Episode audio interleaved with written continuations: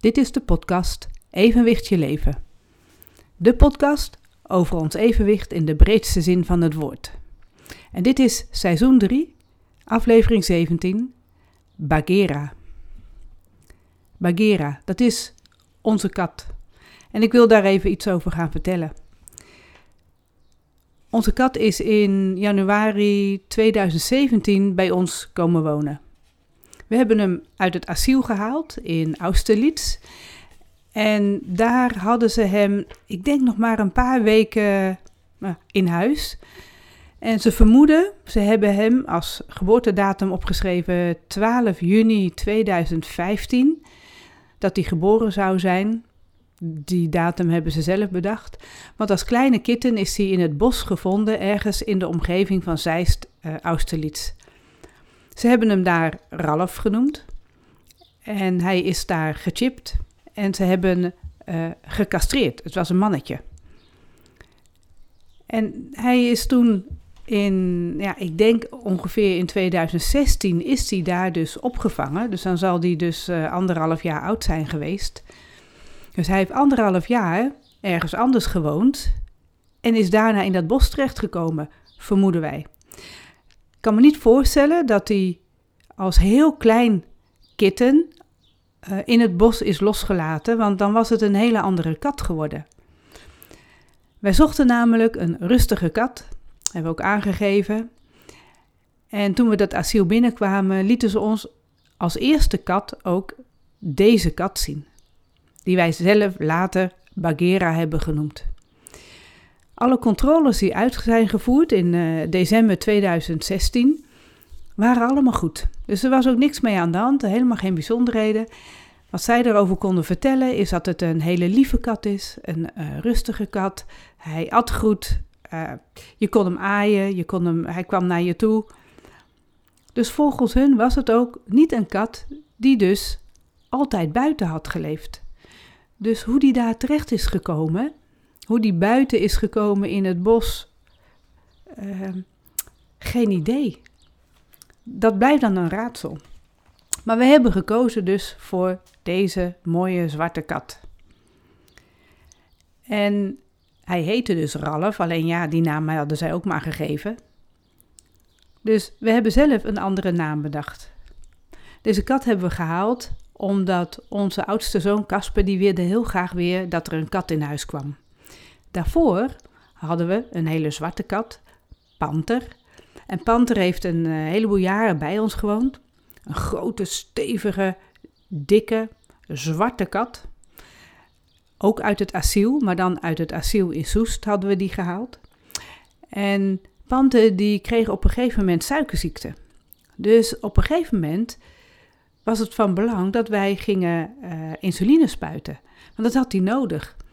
We kregen niet meer dat hij uh, minder zwaar werd. Uh, hij kreeg niet eens zo heel veel te eten, maar waarschijnlijk had hij dat altijd al in zich, want we hebben hem als hele grote, stevige kat al meegenomen uit het asiel. Maar Panter is toen overleden, hebben we begraven hier in de tuin. En nu kwam dus een andere zwarte kat in ons leven. En onze oudste zoon, Casper, die zei toen van, ik ga hem geen Ralf noemen, vind ik geen leuke naam. Ik ga hem Bagheera noemen. En Bagheera is de naam van de zwarte panter in het Jungle Book. Het Jungle Book, nou, ik denk dat iedereen dat verhaal wel kent over Mowgli, het jongetje in de jungle. En een van zijn beste vrienden was Bagheera. Tegelijkertijd was Bagheera ook een van de meest gevreesde dieren van de jungle. Dus hij kon ook Mowgli heel goed beschermen. Dus ja, dat, uh, Casper die vond het Jungle Book een geweldig verhaal. En zodoende heeft hij dus onze zwarte kat Bagheera genoemd. Ik vind het een hele chique naam. En het is dus altijd Bagheera ook gebleven. Maar wat bleek? Het is echt een ontzettend lieve kat. Rustig. Uh, hij komt bij je als hij zin heeft om geaaid te worden. Als hij geen zin heeft, loopt hij gewoon weg. Hij is ja, verder heel rustig in huis. Uh, buiten zie je hem dus toch wel dat hij flink kan rennen. We hebben ook dat hij uh, wel met allerlei speeltjes in huis, van die, van die uh, stoffen muisjes. Dat vindt hij ook heerlijk, omdat je die dan in de lucht gooit en dan springt hij erachteraan en dan maakt hij hele mooie sprongen. En dan pakt hij dat met zijn twee voorpoten. En dat kan hij dan best heel fel doen. Heel, heel uh, ja, als een echte kat ontzettend fel spelen. Het gekke is, als wij zelf hem gingen aaien, dan deed hij dat nooit. En heel af en toe, als hij dan toch wel in een speelse bui was, dan kon hij je nog wel eens pakken, dat hij dan je wilde bijten. Maar op het moment dat hij zijn tanden dan in je hand zette, liet hij eigenlijk ook meteen weer los, want hij schrok er dan zelf van dat hij dat deed. Dus dat deed hij nooit met opzet. En tegelijkertijd heeft hij wel af en toe uh, dat hij dieren van buiten, muisjes, uh, mee heeft genomen. Dus hij kon toch ook wel muisjes vangen. En hij zal ook wel eens een vogeltje hebben gevangen. Daar heb ik geen idee van. Hebben we verder niet gezien, of misschien ooit één keertje. Maar we hebben nooit gezien dat hij een muis of een vogeltje helemaal ging opeten. Maar van begin af aan hebben wij hem brokjes gegeven. Brokjes uit de dierenwinkel, waar geen uh, geur, uh, in ieder geval geen kleurstoffen en zo in zitten. En geen conserveringsmiddelen. Volgens de dierenwinkel een van de beste brokjes om te geven. En die heeft hij ook altijd gegeten. Dat is prima. En ik zeg dus eigenlijk ook al, heeft hij altijd gegeten. Want dat is waarom ik nu deze aflevering maak. Want Bagheera is ziek. En dat is een paar weken geleden begonnen. Wij kwamen s ochtends beneden. Hij is altijd beneden uh, s'nachts. Want als wij hem rond laten lopen, dan komt hij al heel vroeg bij je s morgens. En dan word je dus al heel vroeg wakker. Dat willen we niet. Dus we laten hem beneden. Daar staat ook gewoon het eten, het water en de kattenbak. Genoeg plekjes om te liggen en naar buiten te kijken. Om de tuin in de gaten te houden. En op die ene ochtend had hij een heleboel ondergespuugd. Op allerlei manieren had hij gespuugd. Het was, het was schuim, het was uh, gewoon zoals hij normaal zijn eten uitspuugt. Uh, het was water, het, het, van alles. We schrokken ervan. We zijn ook met hem naar de dierenarts geweest en die kon eigenlijk niks vinden. Nou had ze ook niet zo heel veel tijd, want er waren allerlei andere spoedgevallen binnengekomen. Dan denk ik, oké, onze kat is dus geen spoedgeval, want anders had ze daar meer moeite voor gedaan. En eigenlijk kregen we hem zo weer mee naar huis, met wel een heel lijstje met allerlei onderzoeken die gedaan konden worden. Waarop mijn vraag ook was, zou het kunnen zijn dat hij vergiftigd is? Want die verhalen heb ik al vaker gehoord Ergens in de omgeving is dat al gebeurd ook, dat is bekend. Zij wist daar niks van, zei ze. En ze zou dat ook eens gaan navragen bij andere praktijken. Ik heb geen idee of dat gebeurd is.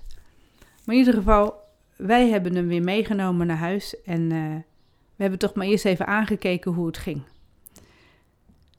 En na ongeveer een week dat hij binnen is gebleven. wilde niet dat hij naar buiten ging, want dan konden we hem zelf ook in de gaten houden. Hij kon ook heel weinig, hij was heel slap. Uh, ja, je zag het ook aan zijn ogen. Hij zocht geen oogcontact. Je kon hem eigenlijk, ja, uh, doffe ogen. Je kon hem niet eens in zijn ogen aankijken. Wat hij af en toe gewoon wel goed vindt als je dat zo kort doet. Dus we zagen al zelf, hij, hij maakte zichzelf niet schoon, dat het dus niet goed met hem ging. Maar op een gegeven moment knapte hij toch weer een beetje op. Ging weer een beetje eten, sowieso ook water drinken, dat hielden we in de gaten. Juist omdat hij in huis was, konden we dat ook zien.